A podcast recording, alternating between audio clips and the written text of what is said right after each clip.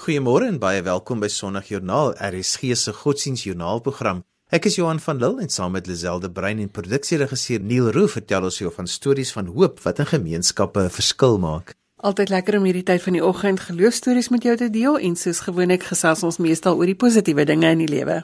Ons gesels vanoggend met Dr. François Sieberhagen van die Bybelgenootskap oor hulle Bible Buddy projek en Dominic TV Pieterse vertel van die uitdagings van die gemeenskap van Kolini.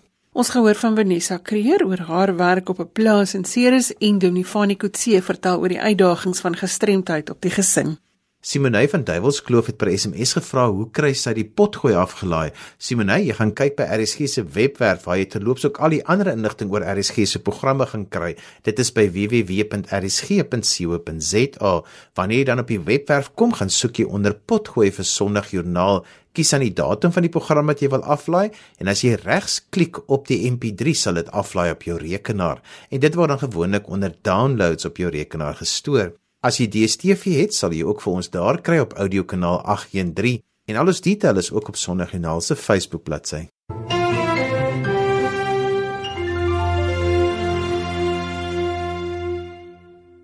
Dr. François Sieberhagen is die organiserende sekretaris by die Bybelgenootskap van Suid-Afrika en ons gesels vanoggend oor die Word Riders en hoe motorfietsryers ook betrokke is by vroegkindontwikkeling wat deur die Bybelgenootskap ondersteun word. Goeiemôre Dr. Sieberhagen.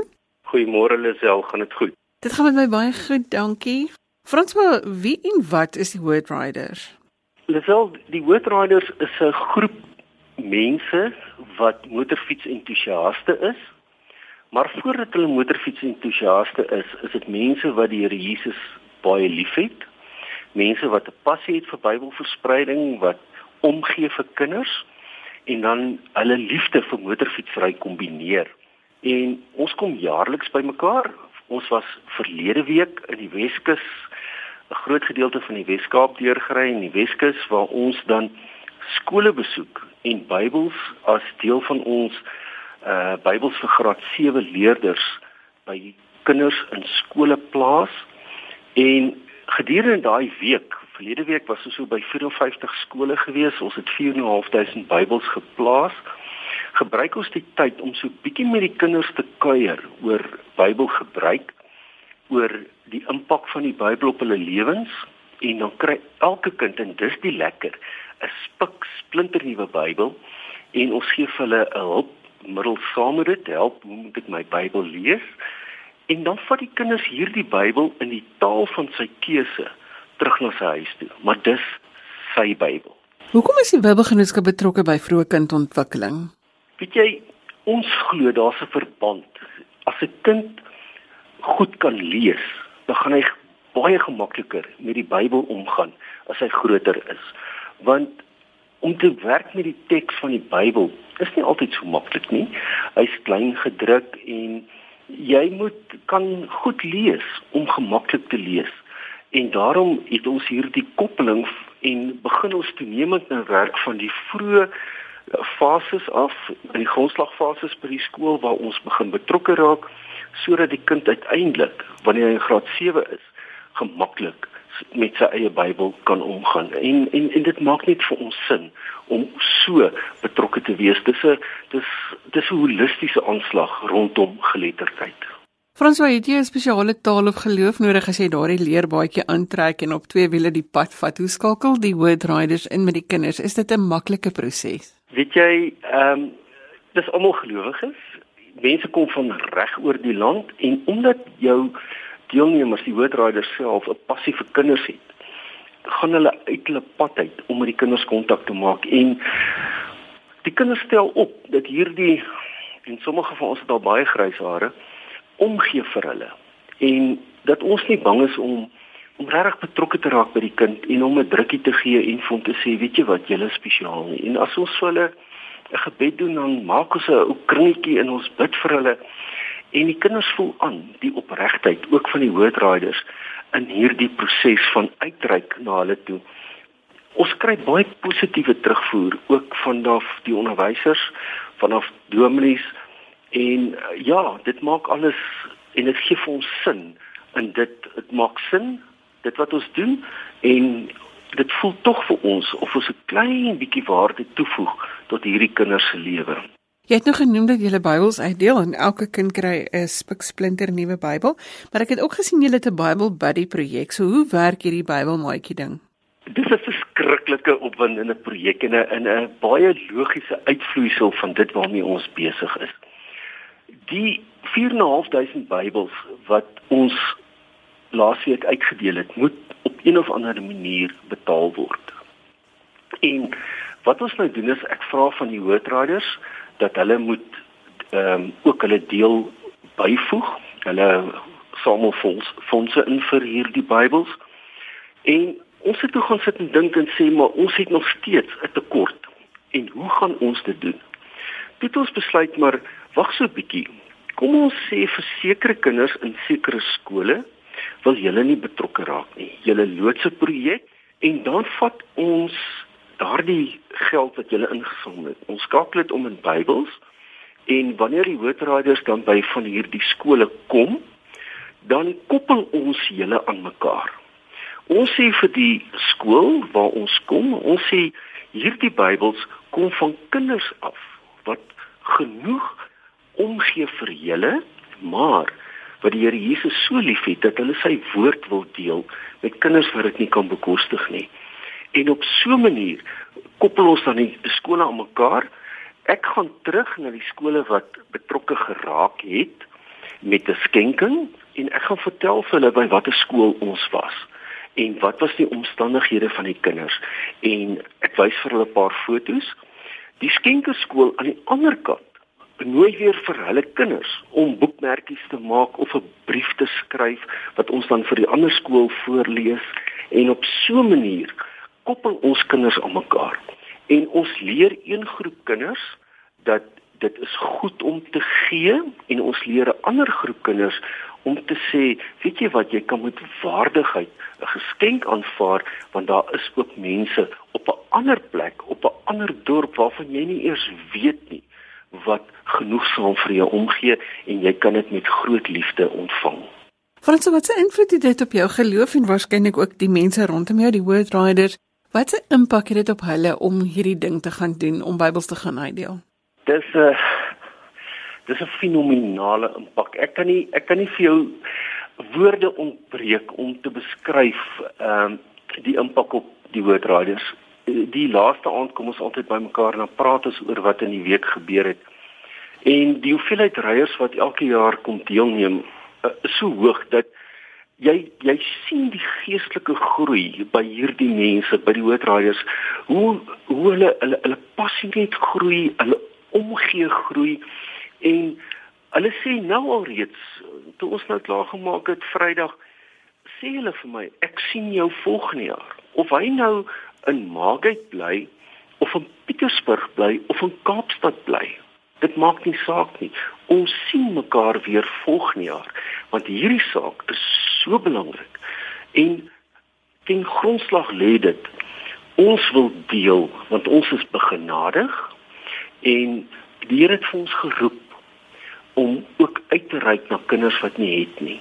En ons doen dit want dit is ook deel jy weet Ekskuus, ek onderbreek myself nou, maar ons dink baie keer ons gaan 'n impak maak op die kinders se lewe, maar die kinders maak 'n groter impak op ons lewe. So hier is 'n wederkerigheid wat ons sukkel om in woorde te stel, want jy moet deel wees om dit te kan ervaar. En gisterand het iemand my gebel en net gesê, weet jy wat? Hierdie was die grootste ondervinding wat ek nog beleef het.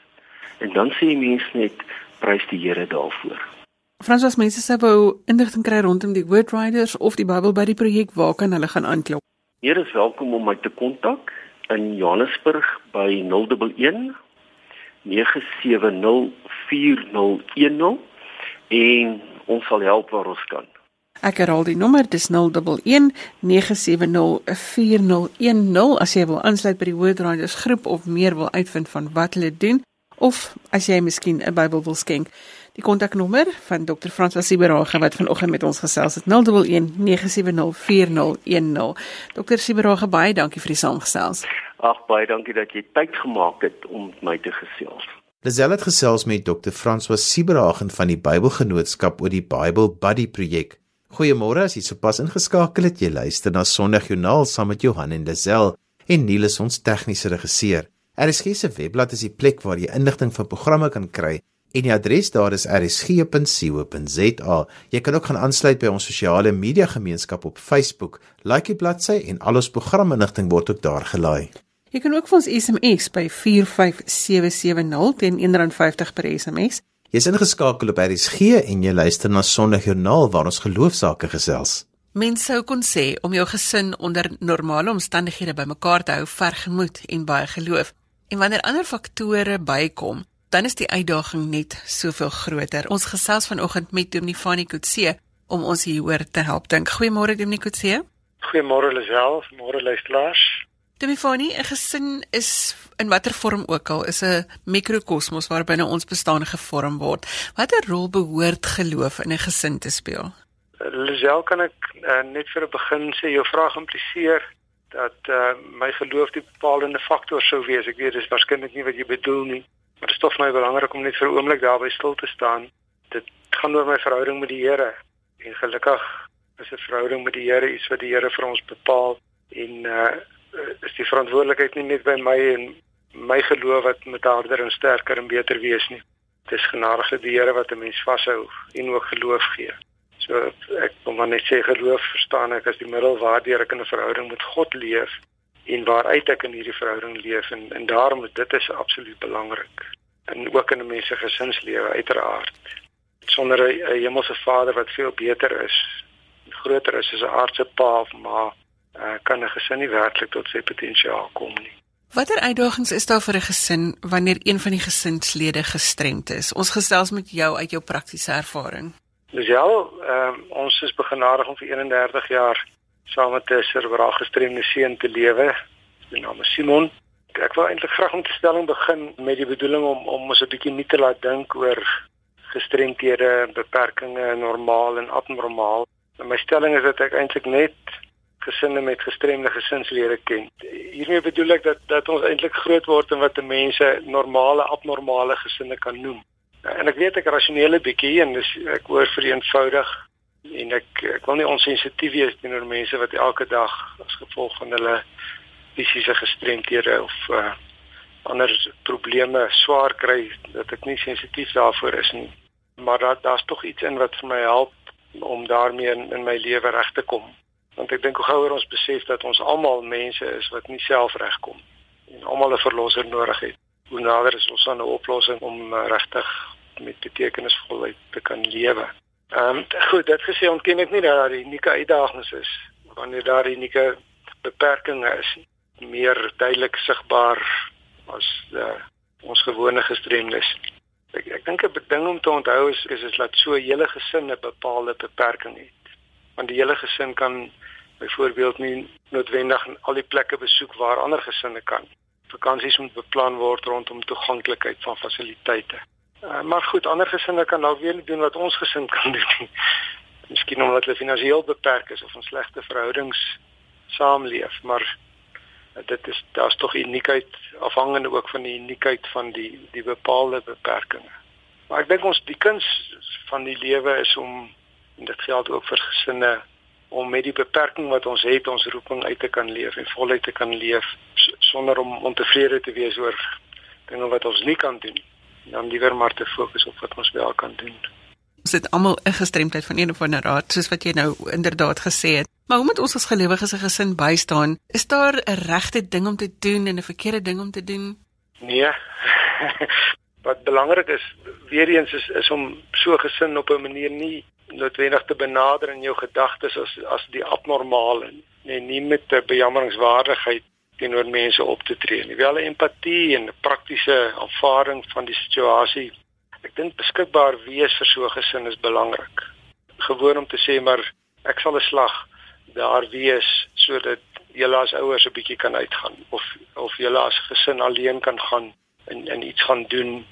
praktiese vervoer van ander kinders uh, want dit is natuurlik 'n ander faktor. As ons van die gesin praat dan ons praat van die ander kinders in die gesin en van die pa en die ma in die gesin.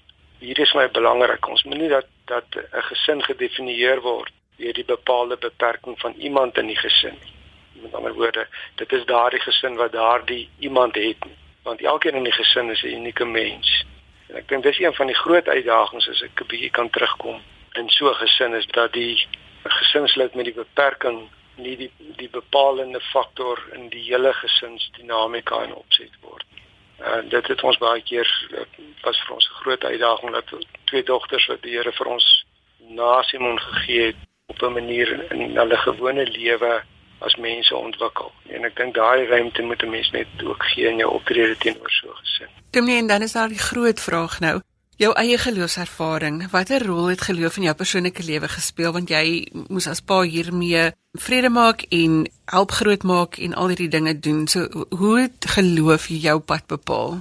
Sonder verhouding met die Here dink ek is dit nie is dit nie uh, moontlik of ja dit is seker moontlik maar ek weet nie hoe arme mense daaraan sal kan wees nie.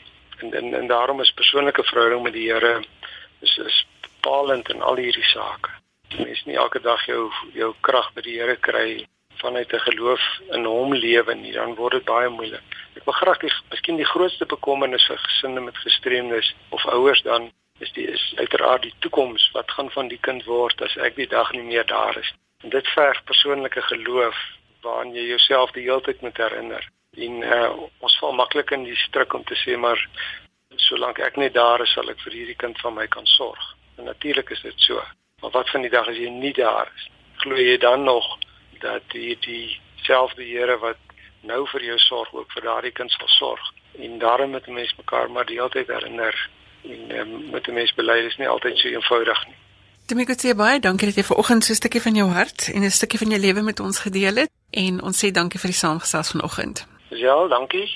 En die stem daarvan Dominee Fani Kutse. Volgende hoor is van Dominee TV Pieters van Kolini. Kolini in die Noordwes het die afgelope tyd heelwat trauma beleef nadat dele van die dorp deur oproer verwoes was. Daar's 'n moord wat in die nuus was en te midde van al hierdie gebeure moet die geloofsgemeenskap kop optel en vorentoe kyk. Ons gesels vanoggend met Dominee TV Pieters oor die uitdagings vir die kerk in Kolini. Goeiemôre Dominee Pieters. Môre Lisel. Jy is van die Kolini Oos en G gemeente. Watter rol het die kerk gespeel om die chaos wat in die dorp geheers het en die naderdraai daarvan te help hanteer?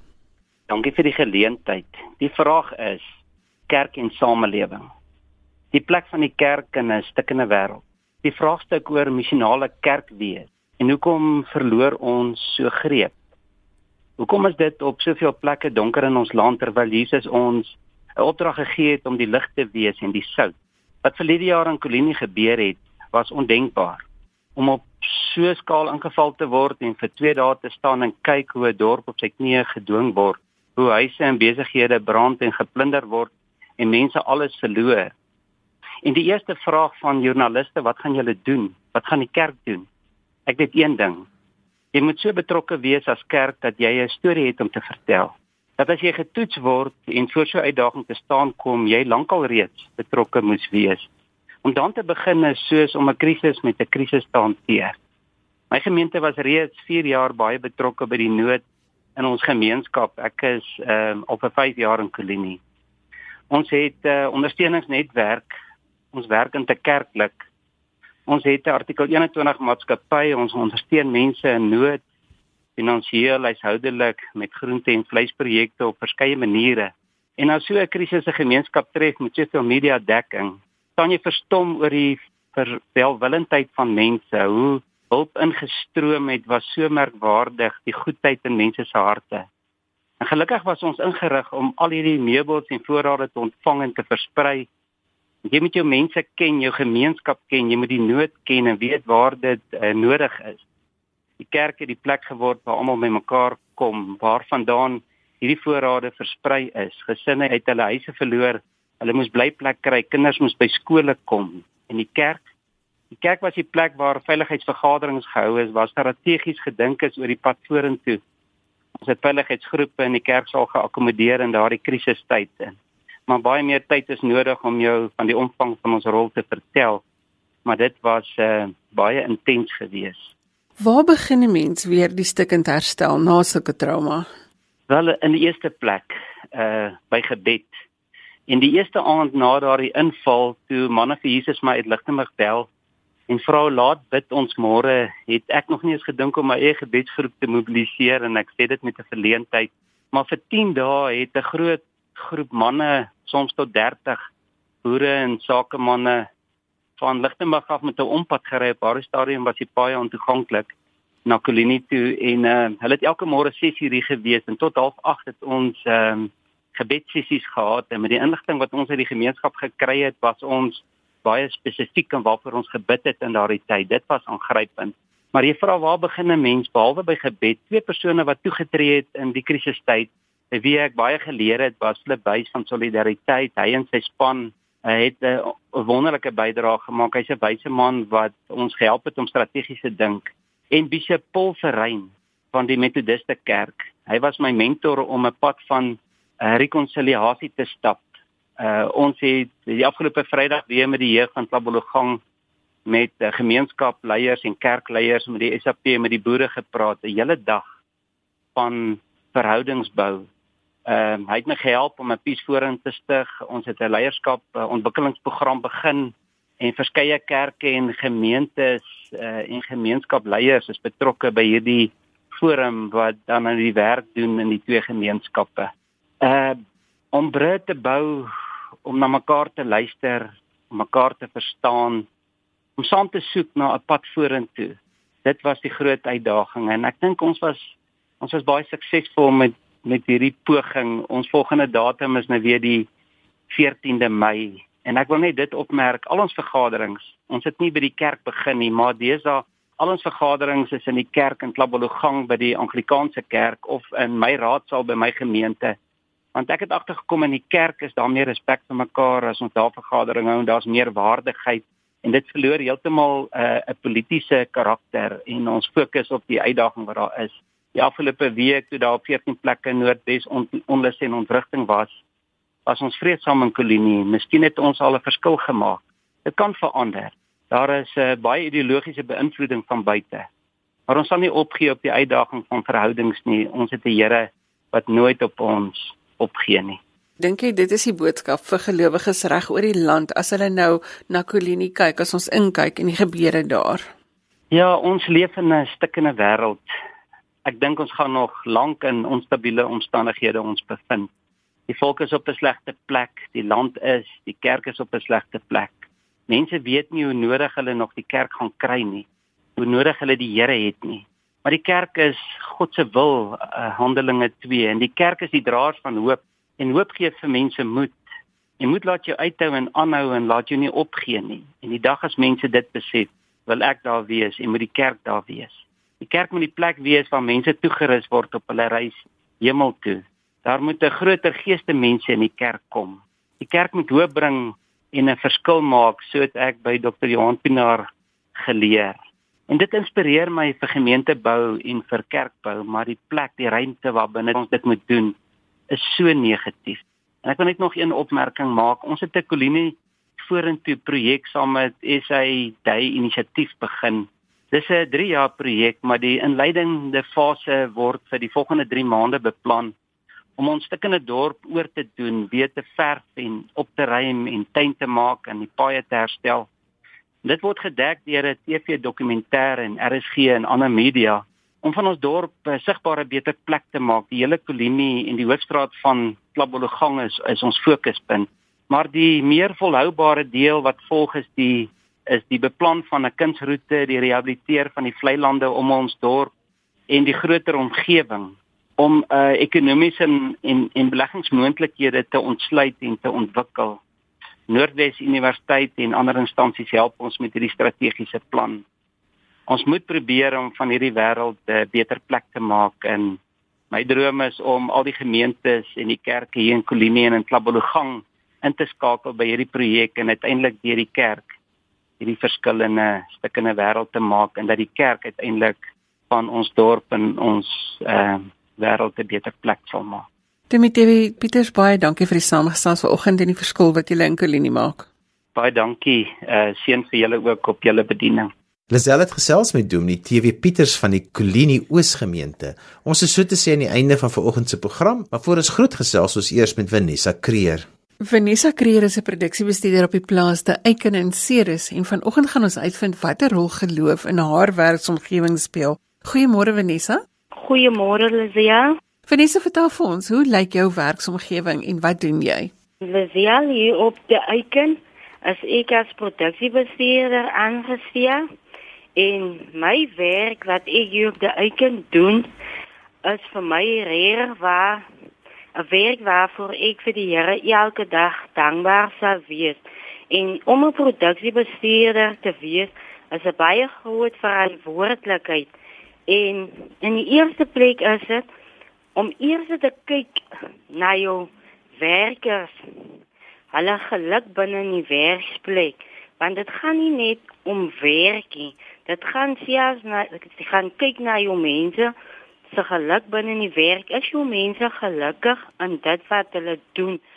So wat ek eintlik deur dit wil sê, as jy as produksiebestuurder moet mense mens wees. Jy moet lief wees vir mense en jy moet probleme kan hanteer binne in jou werk.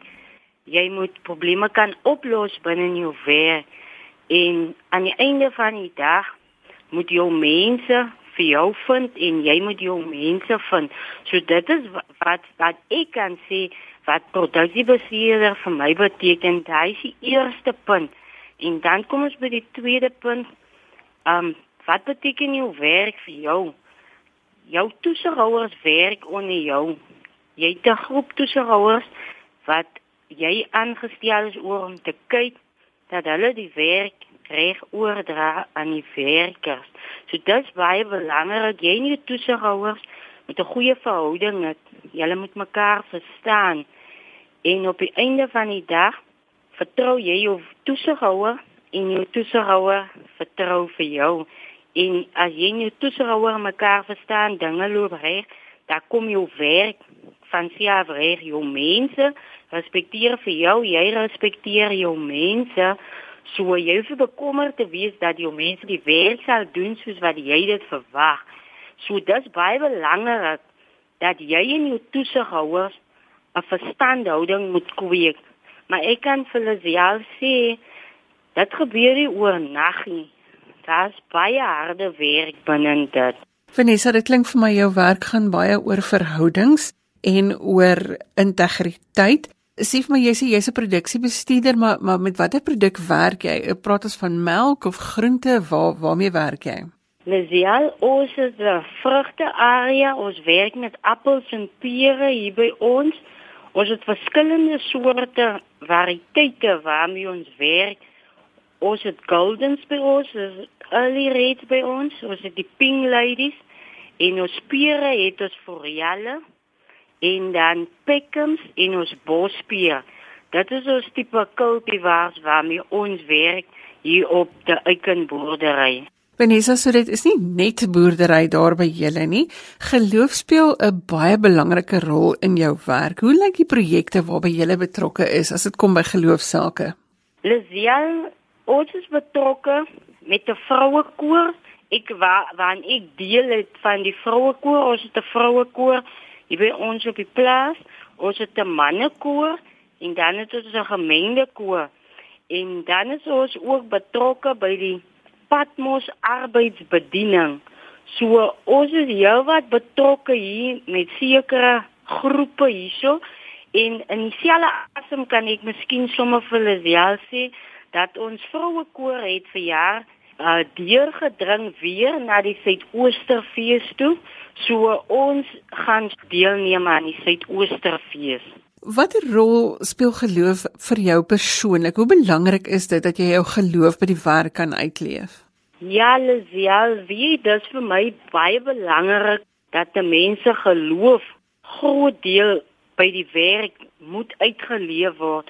Hoekom ek dit vir Lisiel sê, ek werk elke dag werk ek met verskillende mense hier by ons op die eiken En dit is baie belangrik want jou geloof speel 'n baie groot rol vir my as mens om elke dag binne my werk in te stap vir die Here dankie te sê vir 'n werk wat ek het en vir die mense wat onder my werk dat dit my taak moeilik maak nie, maar dit altyd vir my lekker is om saam met hulle te werk. En dat wanneer ek by ons werk met klomp sekere spanne mense en dit is dieselfde mense nie verskillende mense. En wanneer jy by die span instap en jy sê vir hulle goeiemôre, goeiemôre en jy hoor hy opgewondenheid wat terugkom na jou toe deur vir jou ook te sê goeiemôre, goeiemôre Vanessa, goeiemôre Vanessa en dan as daar altyd een wat sal vra Vanessa, hoe was Vanessa se naweek of hoe was Vanessa se dag?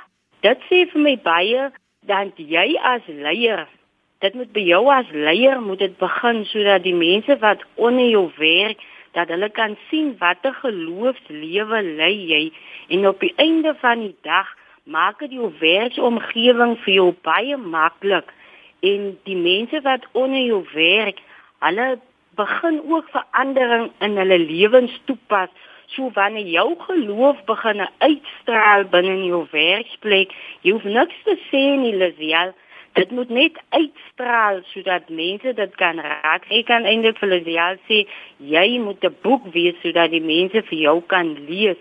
Dan sal jy na mate sal jy sien, maar daar vind groot verandering binne jou werksplek vind daar plaas wanneer jou mense begin om te verander wanneer hulle sien die geloof wat jy uitdra en dan wil hulle ook sies ander mense probeer wees. En nie by ons werk ons met mense wat onderuit seeres uitkom. Daar's verskillende gebiede by Bella Vista, Hamlet en Duli. Hulle kom uit verskillende agtergronde kom hulle uit. En dis baie belangrik dat jou geloof 'n groot rol moet speel want jy weet nie met wie jy te doen het nie maar op die einde van die dag dan sal daar een uit die bolling uit na jou toe kom en vir jou miskien sy omstandighede kom vertel wanneer hy begin vertrou jou en dan kan jy op so 'n manier ook 'n verskil maak in daai persoon se lewe.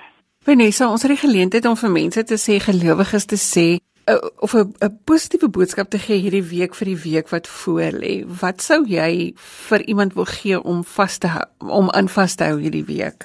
Um Wieder Zial, um, ek wil vir iemand vanoggend miskien net vir Habakuk 3 wil ek vir iemand gee om deur hierdie week te gaan. Habakuk 3 sê vir ons daarso, al kom ek by wingerd en daar's geen wingerde aan die stokke nie, maar vanmôre wil ek vir jou sê, maakie vanoggend saak hoe jou omstandighede lyk nie, want die Here kom in Habakuk en die Here sê vir ons Ek sal jou vashou en ek sal jou op hoër hoogtes sal ek jou neem en ek maak jou voete soos die van 'n rabbok.